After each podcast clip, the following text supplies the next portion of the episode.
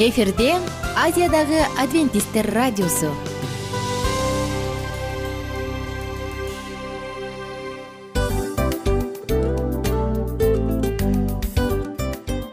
Достор салют. Баардык сүйүктүү угармандарыбызга салам айтабыз. Кутман күнүңүздөр менен. Ден соолук өмүрдүн булагы демекчи саламат саамы программасында баарыңыздарды көргөнүбүзгө абдан кубанычтабыз. Анда алгач амандашып өтөлү арбаңыздар деп. Ден соолугуңуздар кандай элибизде көбүнчө ден соолук кандай дегенде эле жакшы деп жооп беребиз э? ооруп турсак дагы жакшы дейбиз. Анан мен муну айтып ойлойт элем бул абдан сонун сөз депчи анткени бул жакшы деген үмүт да э ооба. баары жакшы болот. Баары сонун. Деп үмүттөнүп атып эле өзүбүздү өзүбүз дарылап коебуз. Анысы кандай? Сиздин дагы ден соолугуңуз жакшы беш деген үмүттөбүз чындыгында ден соолук бул өмүрдүн булагы деп бекеринен айтылган эмес деп ойлойм. Кыргыз элинде анткени эгерде ден соолук жок болсо анда адамдын жашоосунда калган баардык керектүү маңыздуу нерселер өзүнүн баалуулугун жоготуп коет. Ошондуктан ден соолук бул эң керектүү нерсе. Ооба туура айтасың кесиптешим. Чынында ден соолугуң жок бир эки үч күн ооруп калсаң эле э кандай болуп калат? Жашоодо көз каранды болуп каласың көп нерсеге жетишпей каласың көп нерсени кыла албай каласың жада калса эшикке дүкөнгө да чыга албай каласың. Туптуура анан ден соолук болсо демек биз биздин бактыбыз тотой деп койсок болот. Анда достор саламат саамы рубрикабызды баштайлы. Алдыда өзүңүзгө керектүү болгон сонун кеңештерди уга аласыздар. Мына ошондуктан биз менен бирге болуңуздар. Ал эми биз болсо милан жана айнура. Кеттик алга. Алга саламат саама ден соолуктун жарчысы. Саламат саама ден соолуктун ачкычы. Күн сайын сиз үчүн мыкты кеңештер сонун жаңылыктар кызыктуу фактылар. Биздин рубрикада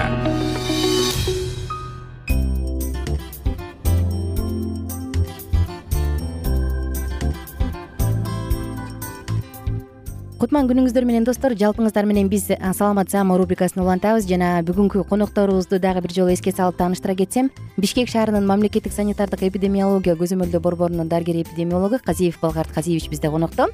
Жана арча бешикте орун алган он экинчи ссмде эмгек өтөгөн эжекебиз педиатр ашаралиева зулайка токтоналиевна. Сиздер менен бирге сасык тумоо жөнүндө сөз кылабыз. Кантип профилактикалаш керек? Же алдын алуу жолдору жана дарылоо жолдору? Мурунку уктуруубузда биз суроону берип өткөнбүз эми бүгүн жооп алсак зулайка токтоналиевна сасык тумоо менен орвини дарылоо. Окшош бирдей болобу же экөөнү эки башка жол менен дарылаш керекпи? Же экөөнүн симптомдору окшош болгондуктан бирдей эле дарылар менен дарыланабы? Э, сасык тумоо менен грипптин э, эгерде грипп осложнение берип кетпесе экөөнүн дарылоосу бирдей эле болот. Э, азыркы биздин медициналык протокол боюнча бул сасык тумоодо биз э, антибиотикти колдонбойбуз. Э, только мен жолугуп алайын дегеним экөөнүн дарылоосу бирдейби же эки башкабы э, бирдей эле болот. Бирдей эле болот бирдей эле болот. Эми осложнение жөнүндө сөз кыла кетели кайсынысы көбүрөөк осложнение берет кайсынысы көбүрөөк күчөп кетет пневмония жана башка ооруларга чалып кетет кайсынысы? Орви негизи гриппти өтүп кетиши мүмкүнбү же андай болбойбу? жок орвиде эгерде ошол орвини убагында туура дарылам кармап калбасак анда ал э, гриппке өтүп андан ары дагы осложнение берип кетиши мүмкүн да. Ар кандай жанагындай менингит менингоэнцефалит жана айтып кеткен жанагындай э, эме дем алуу органындагы осложнение ооруларга өтүп кетиши мүмкүн да. Ошондуктан грипп э, орви убагында эле биз баланы ушул адамды ошо ооруган адамды ошол убагында дарылап бат бат суу берип мындай эме кандай десем жанагындай суюктукту көбүрөөк ичиш керек да ошол моментте. Эми дарылоо жөнүндө алдыда сөз кылабыз көбүнчө профилактика жөнүндө сөз кылсак байке. Профилактика кылууда биз мурунку уктурууларыбызда маска жөнүндө спецификалык спецификалык эмес жолдору жөнүндө баардыгы жөнүндө айтып өткөнбүз. Андан сырткары ушундай оору башталган учурда пик сезона деп коет эмеспизби октябрдан мартка чейинки учурда сиздер атайын бала бакчалар менен мектептер менен иштешесиздерби ушундай бир атайын көзөмөлдөө жүргүзүп канча ооруп атат кайсы учурда карантин жарыялаш керек деп ошол жөнүндө айтып өтсөңүз. э, бул боюнча биз абдан тыгыз байланышта медициналык борборлор менен жана башка мектеп бала бакчалар менен иштешип келип атабыз э, жана айтып өткөндөй эле үй бүлөлүк медициналык борборлор бизге күнүнө эртең менен тогузда берип турат. Э, бул иштер боюнча үй бүлөлүк медициналык борборлор тыгыз байланышта иштешип атышат. Э, эл менен иштешип атышат. Э, жана башка балдар менен баягы сасык тумоону алдын алуу жолдорун айтып өтүүгө аракет кылып атышат. Андан тышкары жакшы. Кайсы учурда карантин жарыялаш керек? Кайсы учурда жарыялабайт? Эле канча бала ооруп атат карантин боюнча э, мен э, карантин жарыялаган жылда январь айында карантин болчу эле быйыл мектеп окуучуларында болбой калды.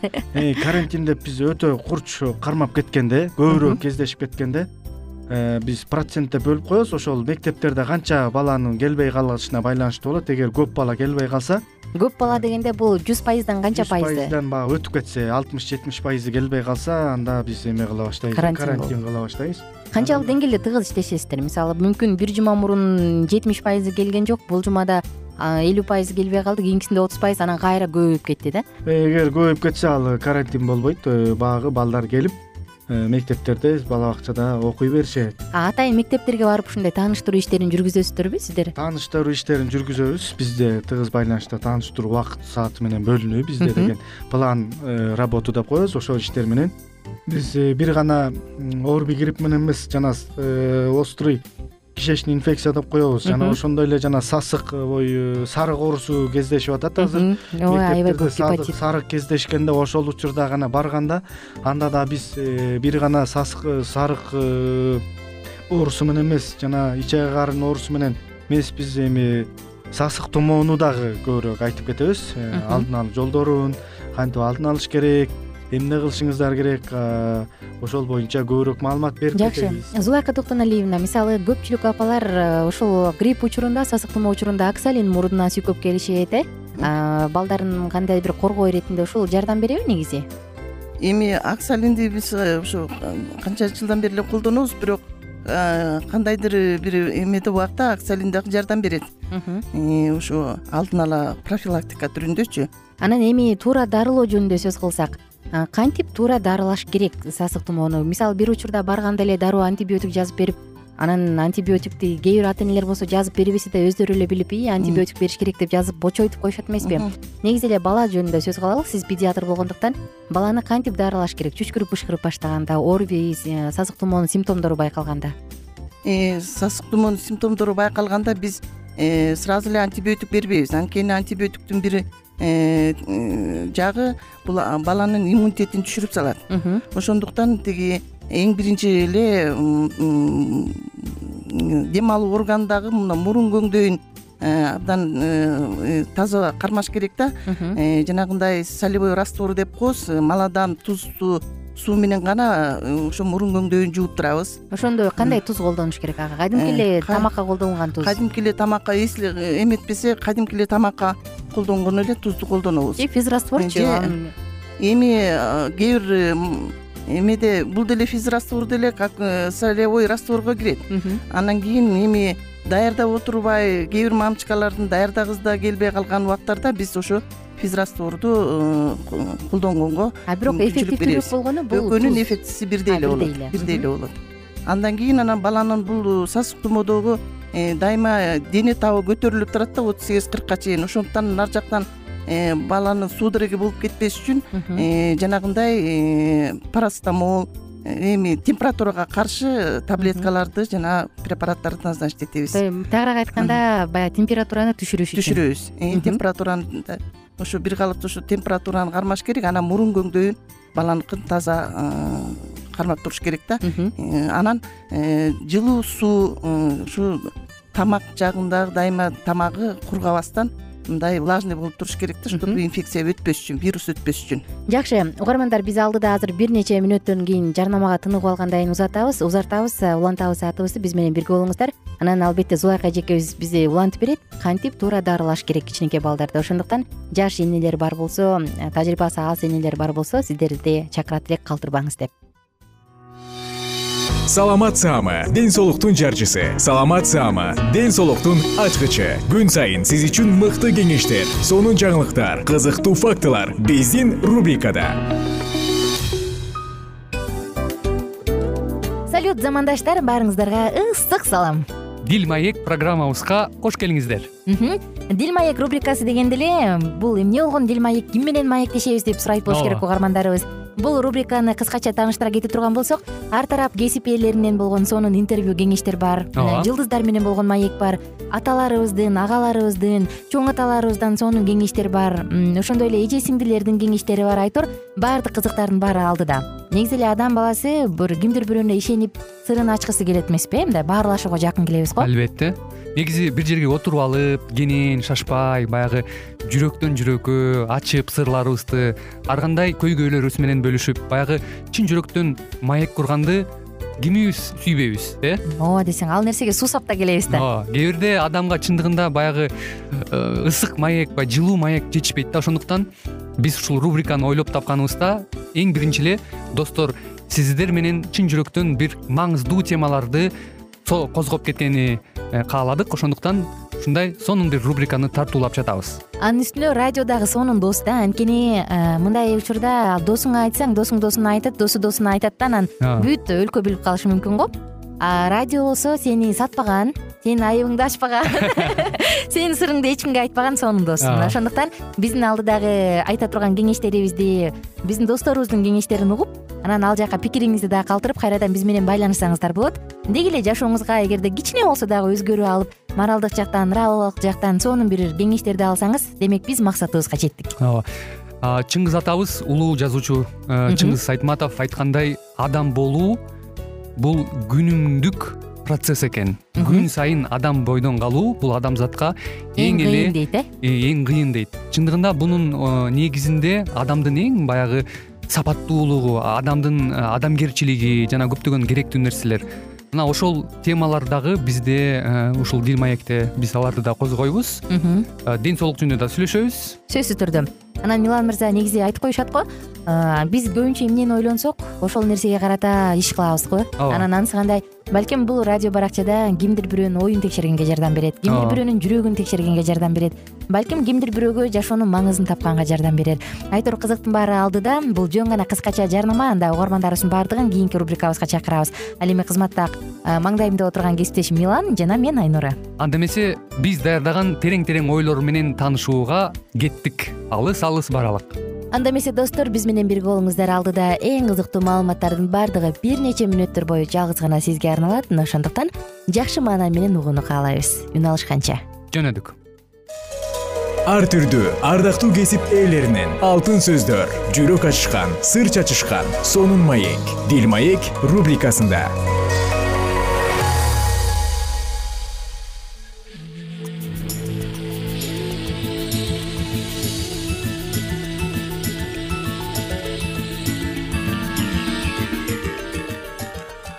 саламатсыздарбы урматтуу радио угуучуларыбыз. Кайрадан эле сиздердин назарыңыздарда бактылуу никенин баалуу эрежелери аттуу берүүбүздү баштамакчыбыз. Микрофондо адаттагыдай эле кызматыңыздарда аты жөнүм мен улан кубанычбеков жана ошондой эле менин кесиптешим.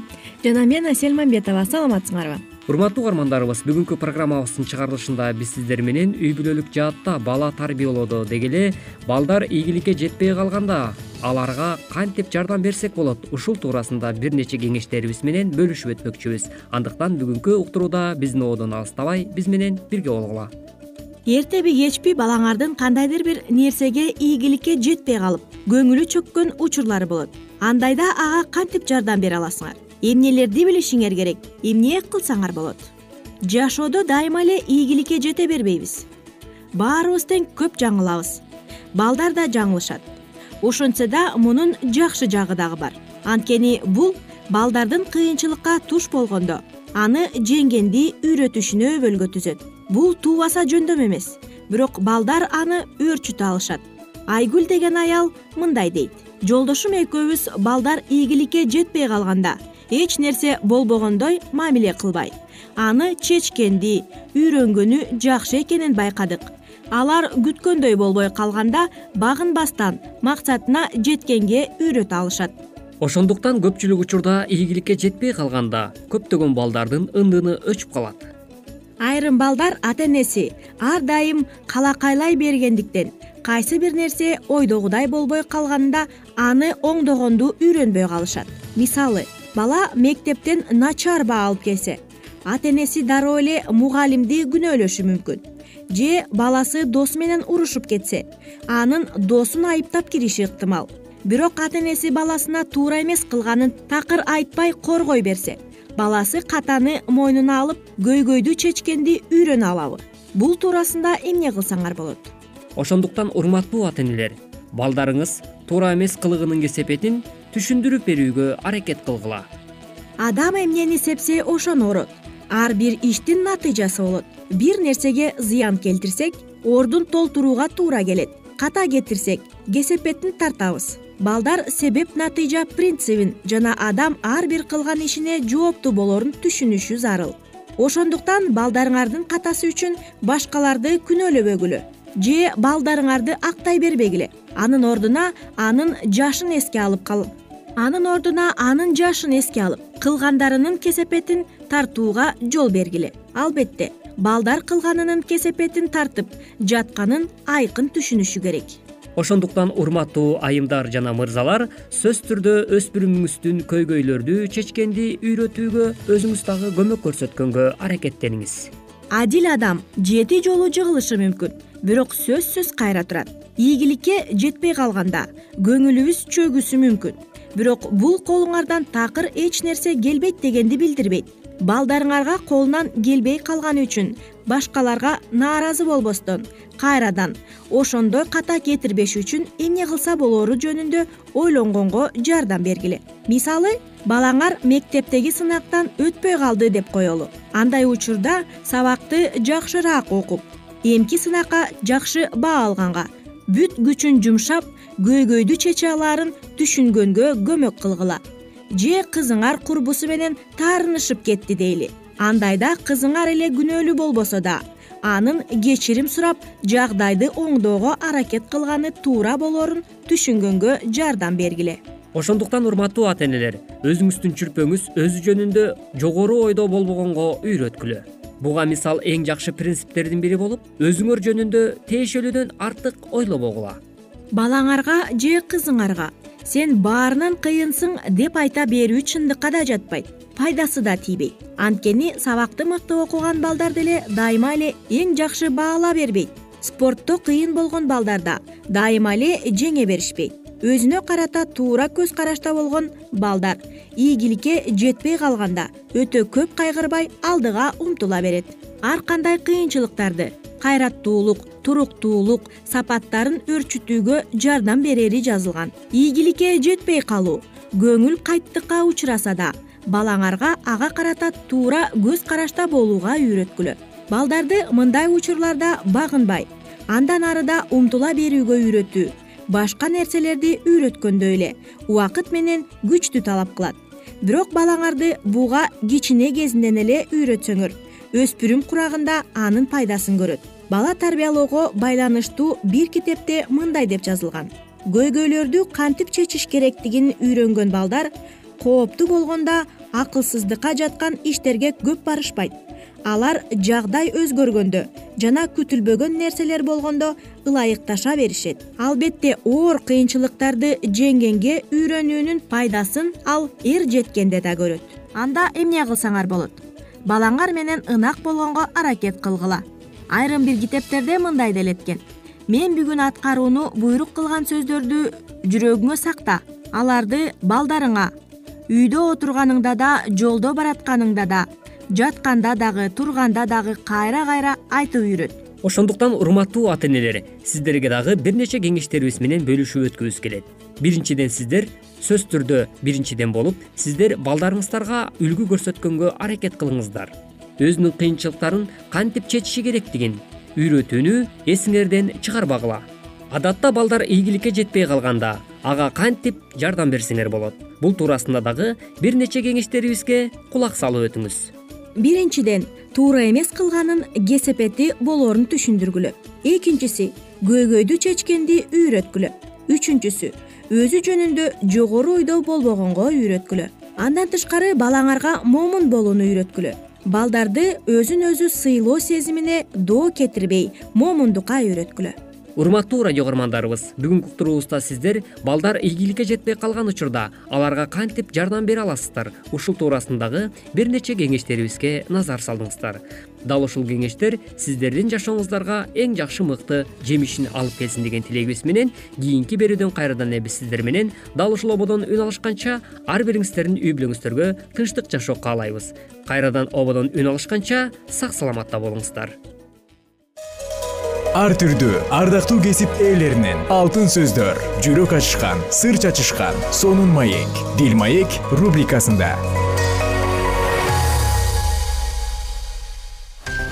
Жан дүйнөңдү байыткан жүрөгүңдү азыктанткан жашооңо маңыз тартуулаган жан азык рубрикасы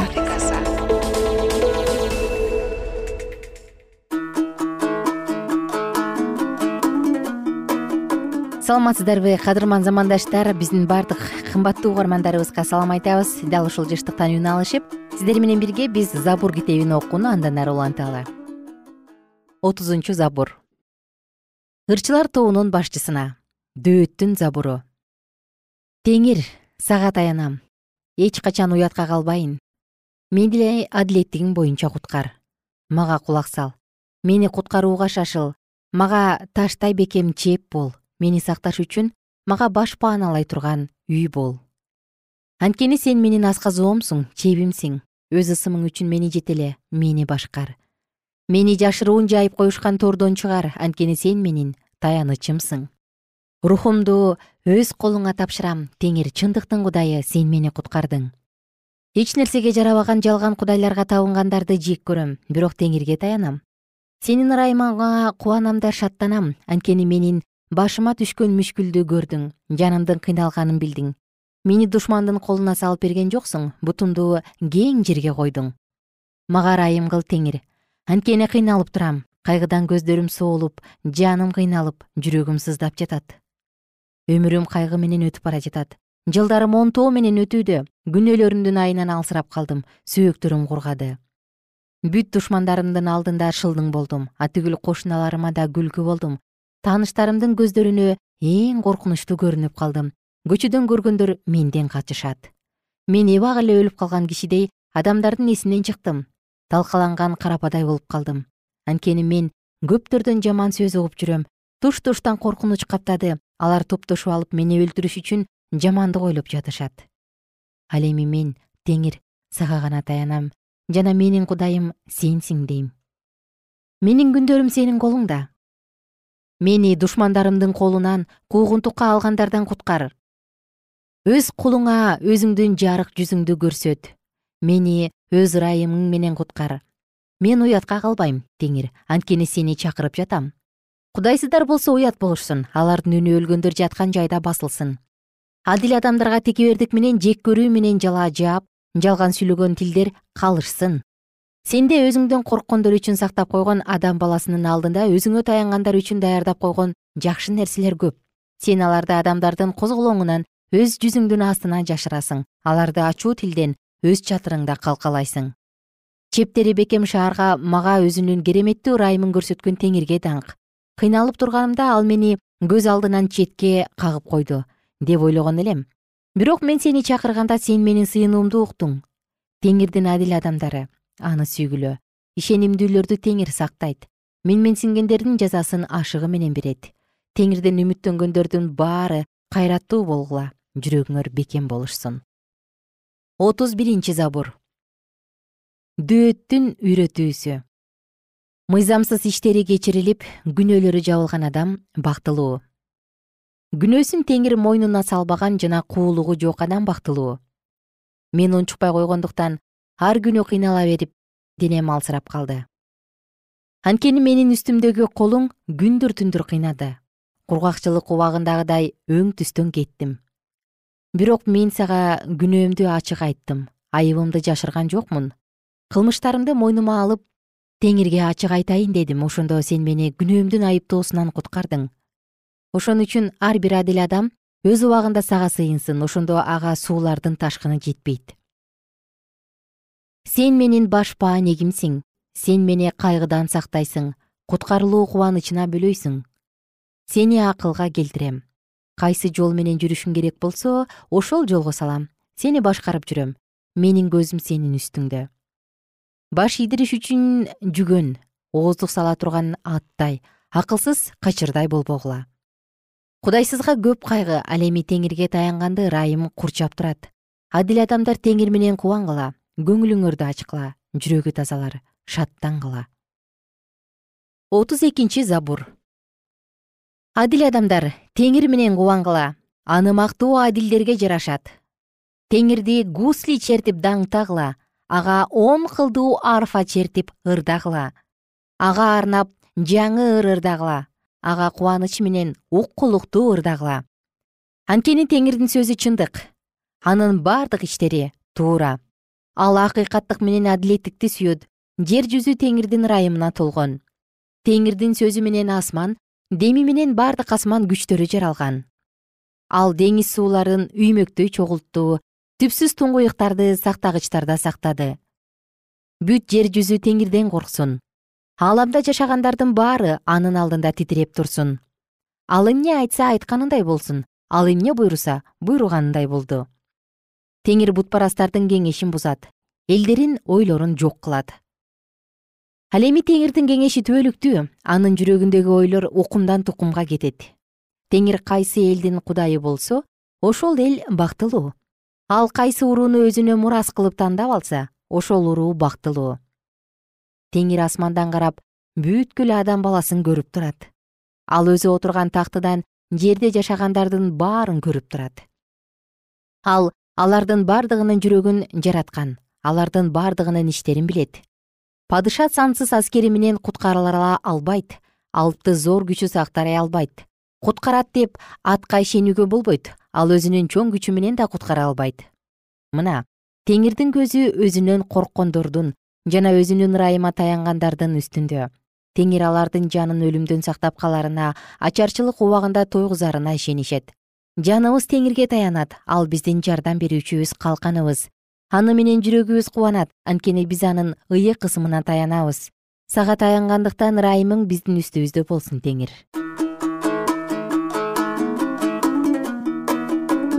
Кымбаттуу угармандар кымбаттуу достор мынакей сиздер менен бүгүн дагы забур китебинен сонун эки бап окуп өттүк. Забур китеби сиздин балким жашооңузда дем берүүчү сонун сөздөр болот.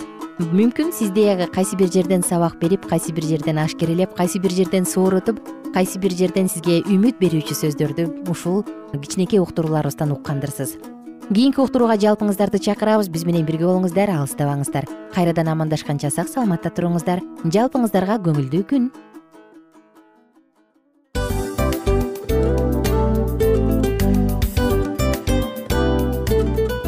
ушул менен достор программабыздын уктуруубуздун эң кайгылуу мөөнөтүнө келип жеттик. Кайгылуу дегенде ыйлагым келип кетти кесиптеш. Кадимкидей. Анткени баягы учурашасың анан коштошуу учур келгенде ии кантип ии эми бат баттан келиптир э сагындырбай деп атып араң коштошобуз го анысы кандай угармандарыбыз менен коштошчу учур келди кийинки уктурууларды сагыныч менен жүрөгүбүздө кусалык менен күтөбүз жалпыңыздарды. Анан жарым сааттык уктуруу көз ачып жумганча өтүп кетти. Сөзсүз. Бирок бизде жакшы кабар бар. Кийинки уктурууларыбызда сөзсүз дагы кезигишебиз. Анткени биз көптөгөн сюрприздерди кызыктуу маалыматтарды жана керектүү керектүү нерселердин көпүнчөсүн даярдадык анда угармандарыбыздын баардыгына ийгиликтүү күн каалайбыз. Эгерде бүгүнкү күнүңүз өзгөчө э, өтүшүн кааласаңыз анда позитивдүү ой жүгүртүп жылмайып жакындарыңызга жакшы маанай тартуулап жүрө бериңиз. Анткени сөзсүз түрдө мунун арты кайтат э? Сөзсүз. Баягы ден соолугуң оңолот ал бул деп көп нерсени санап келебиз. Эң негизгиси бул сиздин жашооңузду жаркын кыла түшөт экен. Жараткан кудай ар бирөөңүздөргө батасын берсин жашооңуз ийгиликтүү болсун сак саламатта калыңыздар деп мен милан жана кесиптешим айнура баардыгыңыздар менен кийинки октурудөн алышканча. Баарыңыздарга ийгилик каалайбыз.